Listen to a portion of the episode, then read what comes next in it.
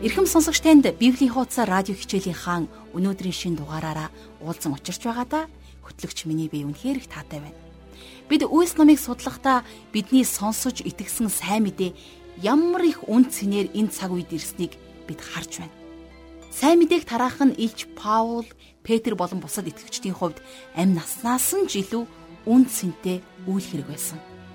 Үйл явдал руу гүнзгийрүүлэн орох тусам сайн мэдээг цуцшгүйгээр тараасаар яваа эдгээр бурханд хайртай итгэгчдийн үйл хэрэг зоримог үгийг сонсох үнэхээр бахархал төрмөр. Харин одоо би танд өнгөрсөн дугаарт болсон үйл явдлаас товчхон хуваалцъя. Учир нь биднийг дүнгиж одоо сонсож байгаа хүмүүс байгаа учраас тэднийг энэхүү радио хичээлийнхээ үйл явдал руу хөтлөх нь хөтлөгч миний эрхэм үүргүүлээ.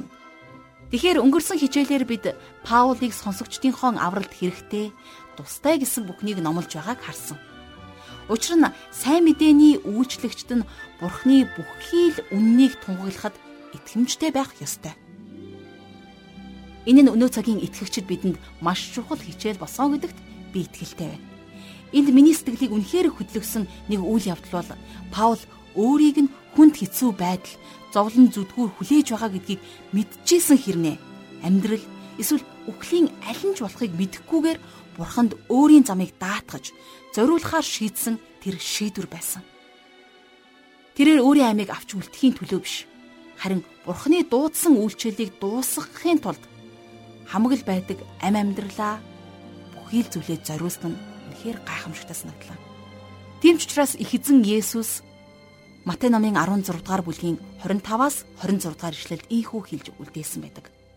Учир нь хэн өөрийнхөө амийг аврахыг хүснэ тэр хүн түүнийгээ алдна. Харин хэн миний төлөө өөрийн амийг алдна тэр хүн түүнийгээ олно. Учир нь хүн бүх дэлхийг олж авсан ч амиа алдвал ямар ашиг байх юм бэ? Эсвэл амийнхаа оронд юугаа өгөх вэ гэж дагалдагчдаа захиж үлдээсэн байдаг. Тиймээс өнөөдөр бид амьдралынхаа хамгийн чухал зүйл бурхантай харилцах харилцаа түүний мөнхийн амийг олох нь хэрэгтэй. Хэрвээ та түүнийг хайхаар шийдсэн бол саад бэрхшээл тулгарсан ч битгий няцаарай. Эцэст нь тэр танд баяр хөөр амар тайвныг бэлхэм дүүрнээр бэлэглэх болно. Ингээд хамтдаа хичээлдээ орхоос өмнө энэ цагийг бурхан даатгаж хамтдаа залбирцгаая. Бүхнээс дээгүүр алдар магтаалын дээдийг хүртэх цохистой бурхан аав минь таньда энэ цагийн төлөө талархаж байна. Гэрэл гэгээтэй халуун дулаан тэртээ биднийг үргэлж байлгаж хамгаалан сахидаг таньда баярлалаа. Харин энэ мөчөд ч гэсэн бидний зүрх сэтгэлийг та өөрийн үгийг хүлээн авахд бэлдэж өгөөрэй. Учир нь таны үгэн дээр хэлсэн байдаг. Ядарч туйлдж хүнд зовлон үрсэн хүмүүсээ над дээр ир. Би та нарыг амраая. Тэгээд буулгаа надад өг. Миний хөнгөн буулгыг ав гэж хэлсэн байдаг. Их эзэн минь ээ. Бид бүхий л амь амьдралаа танд өргөж хичээлийн энэ цагийг таньда даатгаж байна. Та ариун сүнсээрээ удирдан жолоодож өгөөрэй. Сонсох хүнийг болгоны зүрх сэтгэл ам амьдралаар та алтарш болтугай. Бүх зүйлийг танд өргөж Есүс Христийн нэрээр залбирanгуйлаа. Амен. Харин одоо жаргал агшиг хичээлд анхаарлаа хандуулъя. За бид үйлс номын судлалуудаараа Илч Паулийг илгээлтийн 3 аялал хийсэн тухай үзсэн. За тэгвэл өнөөдрийн судлах бүлэгт Паул ялалтын баяр хөөрөөр дүүрэн Иерусалим хот руу иргэн ирэх болно. Харин энэ замд Паулд маш их сэрэмжлүүлэг өгөгддөг. Иерусалим хотод очиход нь маш их гай зовлон тэрнийг хүлээж байгаа гэдгийг Паул өөрөө мэдэж байсан. За Үйлс номын 20 дугаар бүлгийн төгсгөл дээр Паул Эфесийн итгэгч нартай Милетэд нулимс туслуулан уулзаж байсан тухай үйл явдал гардаг. Тэд нар тэрний царайг дахин харахгүй байхаа гэсэн бодлын улмаас зүрх нь эмтэрч чангаар уйлдсан байдаг. Паул эдгээр итгэгчдэд бие бие гэсэн хайр байсан нь итгэлээр нэгдэн үйлчлдэг бүх хүмүүст байх ёстой чанараа гэж би хувьдаа боддгийн. Харин өнөөдрийнхөө хичээлийг хамтдаа Үйлс номын 21-р бүлгээс эхлүүлцгээе. Ингээд 21-р бүлгийн 1-ээс 2-р ишлэлийг хамтдаа уншицгаая. Бид тэднээс салж хөвсөөр шууд Кост ирж дараа өдөр нь Родод тэндээсээ Патарт очив. Бид Фойник яв хусан онгоц олж суугаад явлаа. За тэгвэл хамтдаа эндээс Паулийн аяллалыг харцгаая. Тэр Милетээс усан онгоцоор гараад Бага Азийн өмнөд ирэг болох Патар гэдэг газарт ирсэн байна. Тэгээд тэндээсээ өөр онгоцсон суугаад за Кайсарын хойд зүгт Тэнгисийн эрэгт орших Тир гэдэг хот руу очисон. Эртний Фойник гэдэг хот бол тухайн үед Израилийн нэг хэсэг байсан. Харин өнөөдөр бол Ливан улсад бүрэн хамаарх болсон байна. За 3 дугаар ишлэлийг цааш нь уншийе. Бидэнд Киприйн бараа харагдлаа. Тэр арлыг зүүн талдаа орхисон бид Сирлүү хөвсөөр Тирд газардав. Юу гэвэл улсын онгоц ачаага тэнд буулгах ёстой байлаа. За тэд нар Киприйн арлыг зүүн талдаа байхыг олж харсан боловч тэнд саадахыг бодлгүй цааш орхин явсан байна. Учир нь яагаад вэ гэхээр тэд нар Тир хотод очихоор зорж байсан учраас Сирлүү хөвсөөр тэндээ газардсан. За тэр гэдэг хот бол Эрдний үеэс арилжааны төв байсан хот юм байна. За дөрөвдүгээр эшлэл дээр шавнырыг олж бид тэнд 7 хоног байлаа. Сүнсээр тэд хэлэхдээ Иерусалимд хүл тавихгүй байхыг Паулд сануулав. За энэ ишлэлийг үндслэн олон библи судлаачид Паулийг Иерусалим руу явсан нь буруу байсан гэж үздэг. За сүнсээр гэдэг нь сүнс хэлсэн гэсэн утга санааг илэрхийлж байна. Тэгэхээр ариун сүнс Паулийг Иерусалим руу явахыг нь хориглоогүй. Яагаад гэвэл тэрний явх нь бол Бурхны хүсэл байсан. Тэгэхээр энд шавнар ариун сүнсээр дамжуулан Паултай ярьж байсныг бид сая харсан. Мэдээж ариун сүнс өөртөөгөө зөрчилдөх зүйл хийх учиргүй гэдгийг зөвөр ойлгох хэрэгтэй. Харин түүнийг ийм зүйлс тохиолдох тухай Паулд урд нь сануулж байсныг та санаж байгаа бах. Тиймээс энэ удаач гисэн тэрнийг бэлтгэлтэй байлгахыг ариун сүнс хүссэн байна. Паул өөртөө тохиолдох зүйлийг мэдэж байсан учраас золиос гаргахад бэлэн байгаагаа давтан хэлж байсан. Учир нь яагаад вэ гэхээр тэр Есүс эзнийхээ төлөө амиа өгөхөд бэлэн байсан юм. Паул бас Иерусалим руу явж байхдаа Пари үндэстний дагалдагчдаас Юудэ ахын дүүс нартаа зориулан өгсөн хайрын үргэлийг дамжуулахаар авч явсан. Тэр нэгэн цагт өөрийн гараар Иерусалимийн итгэгчдийн сүмийг устгасан болохоор энэхүү өргөлийг өөрийнхөө гараар аваачин өхийг хүсч байсан байх. Учир нь Паулийн буруугаас болж Иерусалимийн сүм маш хэцүү тарчиг байдалд орсон байсан. За тийм учраас тэр хин нэгэн төлөөлөгчийг биш харин өөрийнхөө биеэр энэхүү бэлэг өргөлийг гардуулж өгөхийг хүссэн байна. Паул Иерусалим хот руу явахдаа Бурхны хүслийн дагуу явж байсныг тэрний бичсэн загтлуудаас нь харж болно. За Паулийг Ромын шоронд байхад нь Филиппо хотын сүмийнхэн тэрний төлөө санаа зовниж байгаагаа илэрхийлдэг. Харин Паул тэднэрт Филиппо номын 1-р бүлгийн 12 дугаар ишлэлдэр ах トゥ нараа идүгэ миний нөхцөл байдал сайн мэдээний үлэмж ахиц дэвшил болж буйг та нар мэдээсэй гэж би хүснэм гэж загталдаа бичсэн байна. За бас Үлс номын 9 дугаар бүлгийн 15-аас 16 дугаар ишлэлдэр Бурхан Ананиад үзэгдэл үзүүлж Паулийг итгэсний дараа түүн дээр оч гэж хэлэхдээ яв. Учир нь тэр бол харь үндэстнүүд хаад болон Израилийн хөвгүүдийн өмнө миний нэрийг үүрхийн тулд миний сонгогдсон сав бөгөөд миний нэрийн төлөө хэр их зовх учиртайг би түүнд үзүүлнэ гэж хэлсэн байна. Тэгэхээр энэ мөчийг хүртэл Паул хаадын өмнө хараахан очоогүй байна. А гэхдээ Бурхны хүслийн дагуу ийм юм болно гэдгийг та бид нар мэдэж байгаа. За харин дараагийн бүлэг дээр тэрээр Агрип хааны өмнө зогсоод Есүсийн тухай гэрчилсэн үйл явдал гарна. Паул зөвхөн ингэж зогсолгүй бас Ромын Неро хааны өмнө очиж Есүсийг гэрчилсэн байх магадлалтай. За юутач гэсэн Паул Цэсарын гэр бүлийнхэнд хүрч чадсан нь тэдний өмнөөс Филиппойчуудад бичсэн захидалд минд хүргэсэн байдгаас нь илэрхий харагдаж байдаг. За эцэст нь дүгнэх юм бол Паул 2 дугаар Тимот номын 4 дугаар бүлгийн 7 дугаар ишлэлдэр би замаа дуусгасан гэж хэлсэн байдаг. За энэ бол тэр амьдралынхаа төгсгөлд бичсэн сүлийн үг байсан. Тэр бурхны хүслээс гадуур байсан бол хизээч ингэж бичихгүй байх байсан. Харин Паул эзний хүсэл дотор чин үнэнчээр явж чадсан нэгэн байсан. А гэтэл өнөөдөр та бид нар заримдаа бурхны хүслээс гаждаг. Энэ бүгдэд бидний эзэн бурхан санаа тавьж зөв зам руу биднийг чиглүүлэн оруулдаг. За цааш нь 5 дугаар ишлэлийг хамтдаа үргэлжлүүлэн харцгаая. Хоног маань дуусаж бид ч явцгаахад тэд бүгд ихнэр хүүхдүүдийнхэн хамт хотоос гартал дагцгав. Тэгээд бид ирэг дээр өвдөг сүгдэн залбирцгаасны дараа. За би энэ төр зогсмоор байна. Энэхүү ишлэл дээр бас нэгэн сэтгэл хөдлөм үйл явдал гарч байгааг бид сая харлаа. Паулийг үдэхдээ тэд нар ихнэр хүүхдээ хүртэл дагуулan очисон. Тэгээд тэрний хамт бүгдээрээ тэнгисийн ирэг дээр өвдөг сөгдөн залбирцгаасан. Хүн бурханд хандан залбирахдаа заавал өвдөх сөгдөх албагүй л дээ. А тэгсэн ч агуу эзний оршихуйд ороход өвдөг сөгдөхөөс ч өөр аргагүй болдог. Энэ бол маш их хүндлэл дээдлийн илэрхийлэл байдаг юм. За 6-аас 7 дугаар ишлэлийг үргэлжлүүлэн харъя. Би биентэйгээ салах ёс гүйцэтгэн усан онгоцонд суухад тэд ч гэр өд буцацгаалаа. Аялал маань өндөрлөж Тирес Птолемейд ирж ах トゥ нартай минь намраа мэдлэлсний хойно тэдний хамт нэг хонов. За. Тэгэхээр Паул энэ газруудад төдийлөн удаж саатаагүй нь их хачирхалтай байдаг. Учир нь яагаад вэ гэхээр тэрнийг очисон газар бүхэн нь маш халуун дулаанаар угтан авч байсан. За энд бас нэгэн сонирхолтой зүйлийг нэмж хэлэх юм бол 1-р зууны төгсгөлд Ромын эзэнт гүрэнд хэдэн сая итгэгчд байсан байх магадлалтай байдаг. 8 дугаар ишлэл.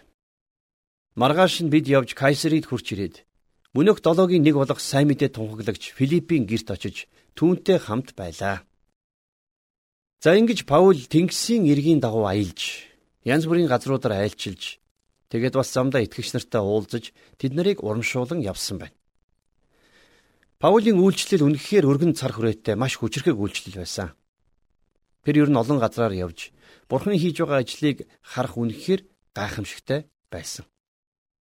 Бид нар заримдаа нэг газараа удаан үйлчлэх үед ганцаараа зүтгээд байгаа юм шиг мэдрэмж төрдөг. Харин өөр улс үндэстэн рүү илгээлтээр очиж тэнд үйлчилж байгаа олон итгэж ахын дүүстэйгээ уулзахаар үнэхээр Бурхныг багтахаас өөр аргагүй болдог шүү дээ. За тэгвэл Паулд яг л ийм мэдрэмж төрж байсан байхаа гэж би бодож байна. За дээрх ишлэлдэр Паулийг сайн мэдээ тунхаглагч Филиппийн герт очисон гэж бичсэн байсан. За энэ дээр цааш нь үргэлжлүүлээд 9 дугаар ишлэлдэр тэр хүн иш үзүүлэгч дөрвөн онгон охинтой байваа гэсэн байна. За тэгэхээр Филипп өөрөө бол авралын зар тараагч хүн байсан. За авралын зар тараагч гэдэг нь сайн мэдээг бусдад зарлагч гэсэн утгатай үг байгаа юм.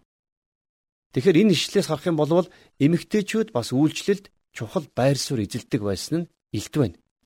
Юу гэвэл Филиппийн дөрвөн охин дөрвүүлээ иш үзүүлгийн бэлэг авьяастай байсан байна. 10-аас 11 дугаар ишлэлийг харцгаая. Биднийг тэнд хэд хоног байх үеэр Юудэгээс Агаб гэгч нэгэн иш үзүүлэгч ирэв.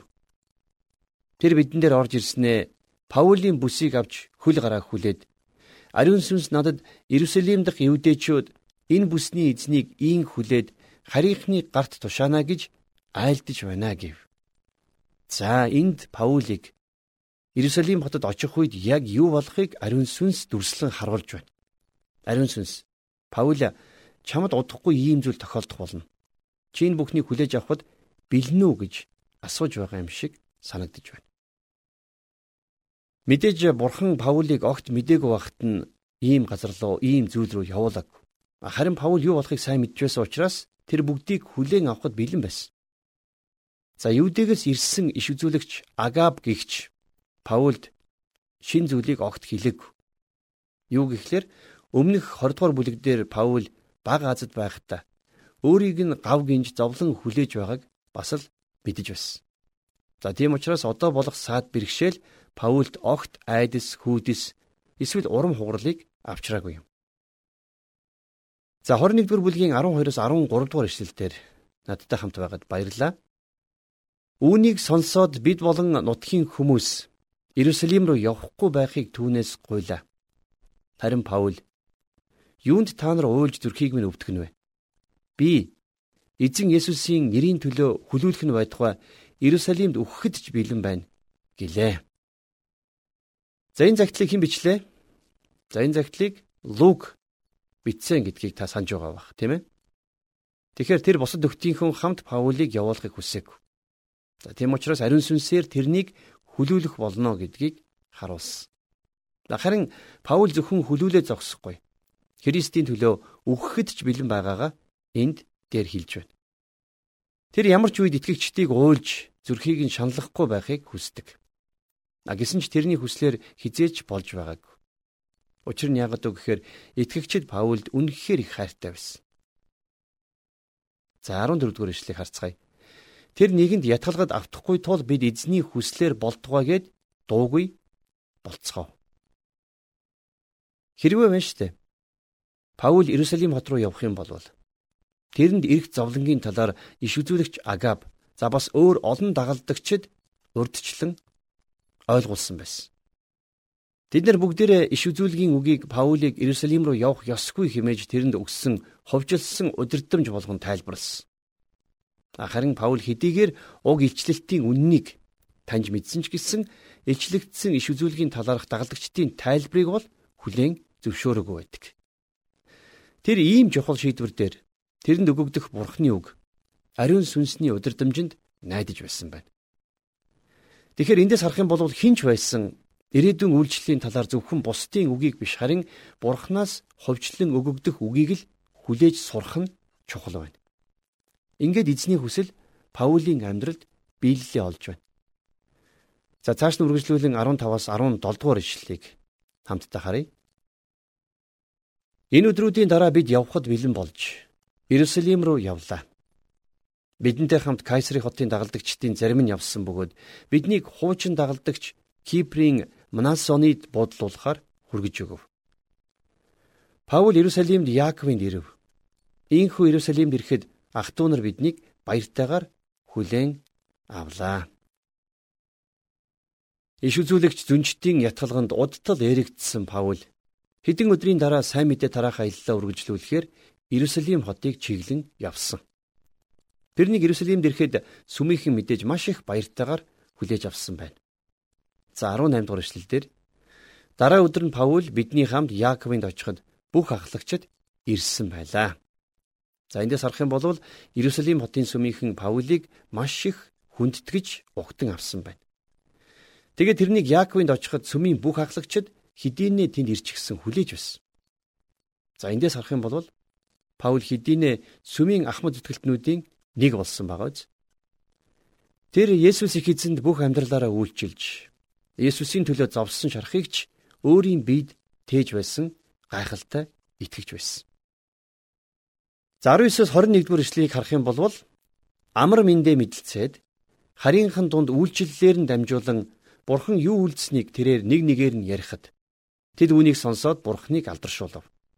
Тэгээд түүнд ах минь Евдэчүүдийн дунд итгэсэн хүмүүс хичнээн олон мянга байгаа боловч Тэд мөнөөхөл хуулийн зүтгэгчд бөгөөд тэд таны тухай таныг харийнхан дундах евдээчүүдэд Мосег умардахыг сургаж хүүхдүүдэд битгий хоцлуул мөн ёс заншлаа бүү даг гэж сургаж байна гэж ярьж байсан. Тэгэхээр Паул хариу үндэслүүдийн дунд үйлчлэхээр тэр үйлчлэлээр нь дамжуулан бурхан хичнээн гайхамшигтай зүйлийг үйлдсэн талаар ярьсан байна. Харин тэд нар Паулд нэгэн жоохон таагүй мэдээ дуулгаж байна. Хэдийгээр эвдээчүүдийн дунд итгэсэн хүмүүс маш олон байсан боловч тэд нар Паулийн хийсэн зүйлсүүдийг гажуудулсан. Мэдээж Паул тэднэрт ийм зүйлсийг зааж сургаагүй нь ойлгомжтой л. Тиймээс одоо энд бас нэгэн маргаантай асуудал гарч ирж байна. Паул Иерусалимд очихдоо Евдэн тангараг өргөд очисон. За энэ тангараг болвол өргөл барьц өргөхийг бас шаарддаг ийм тангараг байсан. Иерусалимд байгаа олон мянган евдээчүүд хэдийгээр Есүст итгэсэн боловч Мосегийн хуулийг орхиогүй байсан. А гэхдээ энд та бидний анхаарах ёстой нэгэн чухал зүйл болвол Паул за бас бусад дагалдагч нар харь үндэстнүүдийг хууль дагахыг шаардаагүй шалтгаан баг юм. Тэгэхээр яг энэ адилаар харь үндэстнүүд ч гэсэн бас евдэн итгэгч нарыг Мосегийн хуулийг орхих гэж шаардах боломжгүй байсан гэсэн үг. Тэгэхээр биш үү хамгийн гол нь евдэн итгэгч нар аврал итгэлээр ирдэгтэл итгэх ёстой байсан. Харамсалтай нь тэд нар энэ тухай ор тас мартсан болол та. За Петр Паулийг Антиохт эргэж ирэхээс өмнө Мосегийн хуулиар бузар гэж үздэг нэг ч зүйлийг идээгүй гэдэгт итгэлтэй байсан.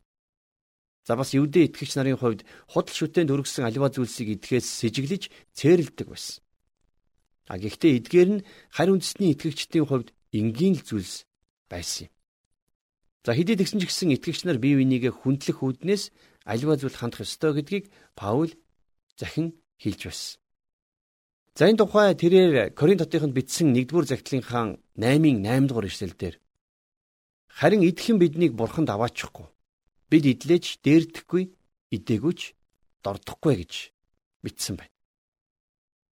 За бас Паул хэрвээ хэн нэгэн хүн ямарваа нэгэн ёс заншлыг дагдаг байж байгаад Христэд итгэсэн бол Бурхны нэгүүлсэл дотор ёс заншлаараа амьдрч болно гэж хэлсэн. За тэрээр энэ тухай Коринт хотынд бичсэн 1-р загтлынхаа 7-р бүлгийн 17-оос 20-р эшлэлдэр ингэж бичсэн байна. Зөвхөн Бурхан хүн бүрийг дуудсанчлан эзэн хүн бүр тувааж өгснөөр нь тэр хүн явг. Би бүх чуулганд инхүү тушаадаг. Хөвч хөндөх ёслол хийлгэсний дараа хин нэгэн дуудагдсан нь. Тэр хүн хөвч хөндлөлтөө бүү үгүй болгог. Хөвч хөндөх ёслол хийлгээгүй хүмүүсээс хин нэгэн дуудагдсан нь. Тэр хүн бүү хөвч хөндүүл.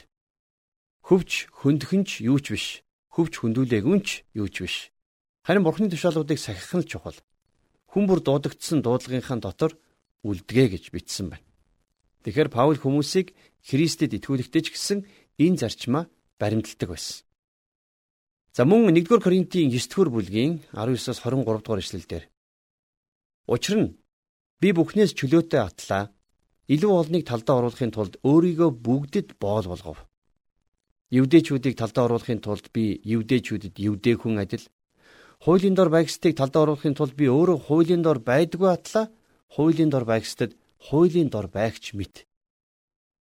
Хуйлгүй хүмүүсийг би талдаа оруулахын тулд би бурхны хуйлгүй байгаа бус харин Христийн хууль дор байдаг атлаа. Хуйлгүй хүмүүст хуйлгүй хүн адил. Мөхөс хүмүүсийг талдаа оруулахын тулд би мөхөс хүмүүст мөхөс хүн адил болсон юм. Ялаж гисэн заримыг нь аврахын тулд би бүх хүнд бүх юм болж байлаа.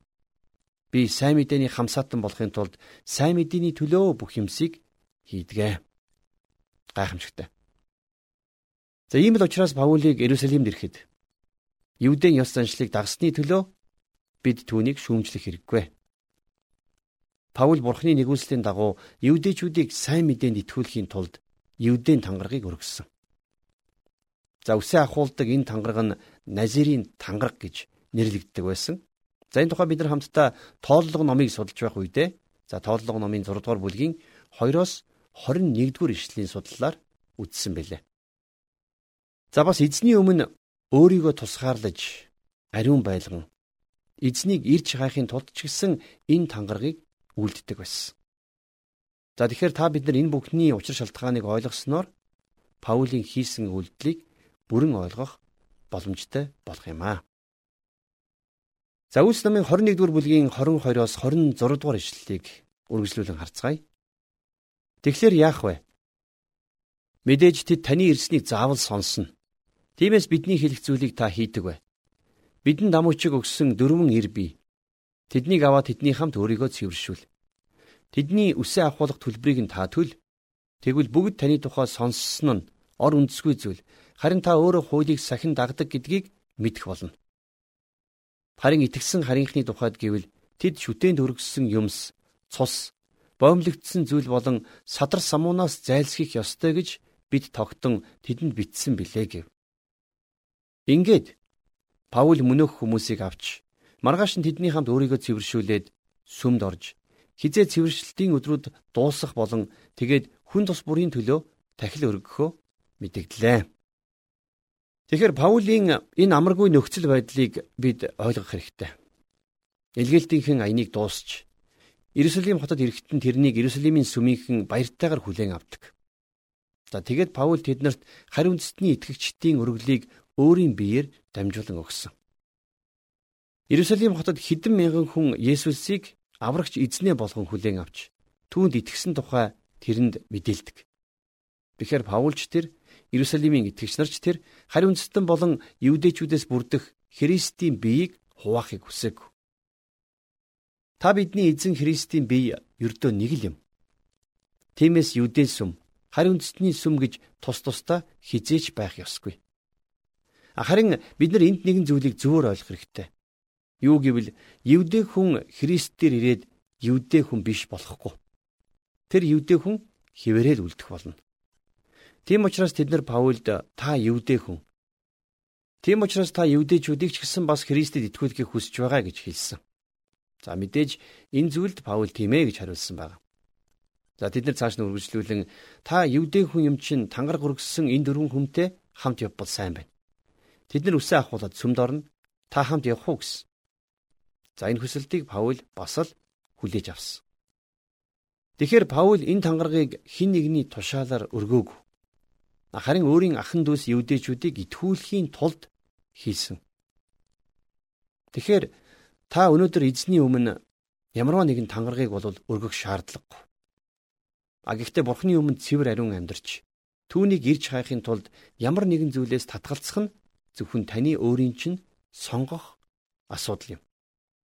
За жишээ нь олон итгэгч хүн дарс, шар хайрыг зэрэг алив согтруулах ундаанаас бүр мөсөнд татгалцдаг. Мэдээж эдгээр зүйлсийг зохистойгоор хэрэглэх, а эсвэл бүр мөсөнд татгалцах нь зөвхөн тухайн хүний л сонголт байна. А гэхдээ архитэлт газар авсан манай улсад ийм зүйлсээс татгалцах нь зүйтэй болов уу гэж би хувьдаа бодож зөвлөмөр байна. Хамгийн гол нь бид нар ямарваа нэгэн зүйлийг хийснээрээ биш. Харин бурхны нэгүүлслээр аврагддаг болохоо үргэлж санах хэрэгтэй байдаг юм.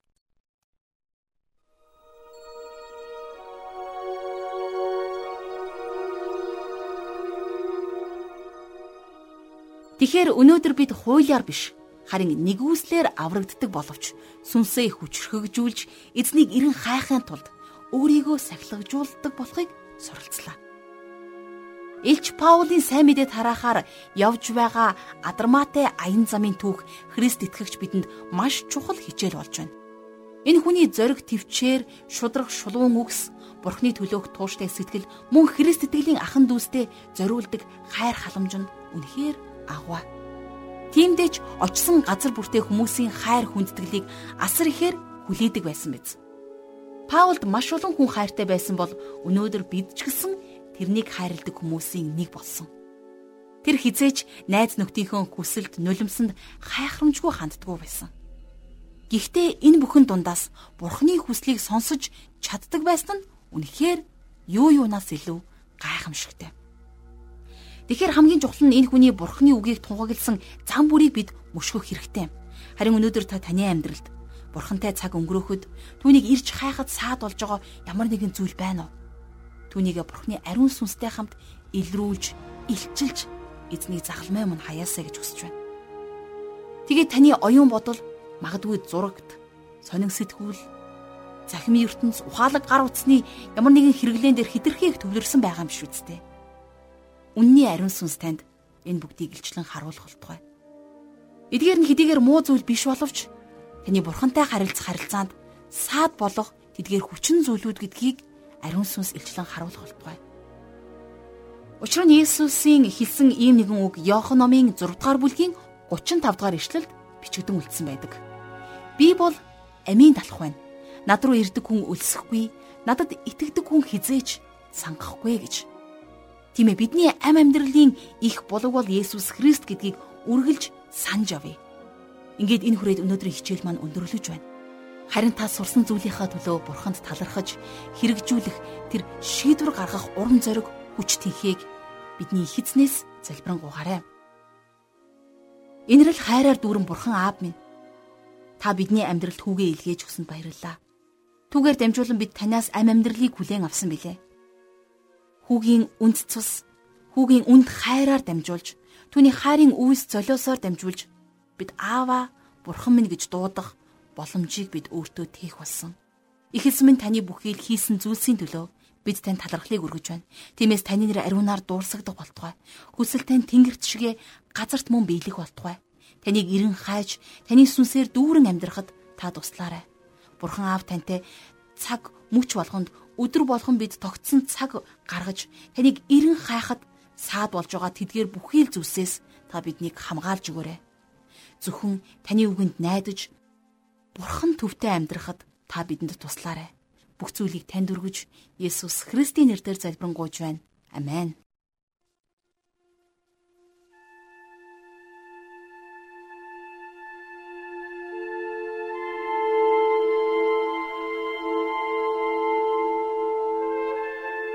Библийн хуудасаар радио хичээл хүрлээ.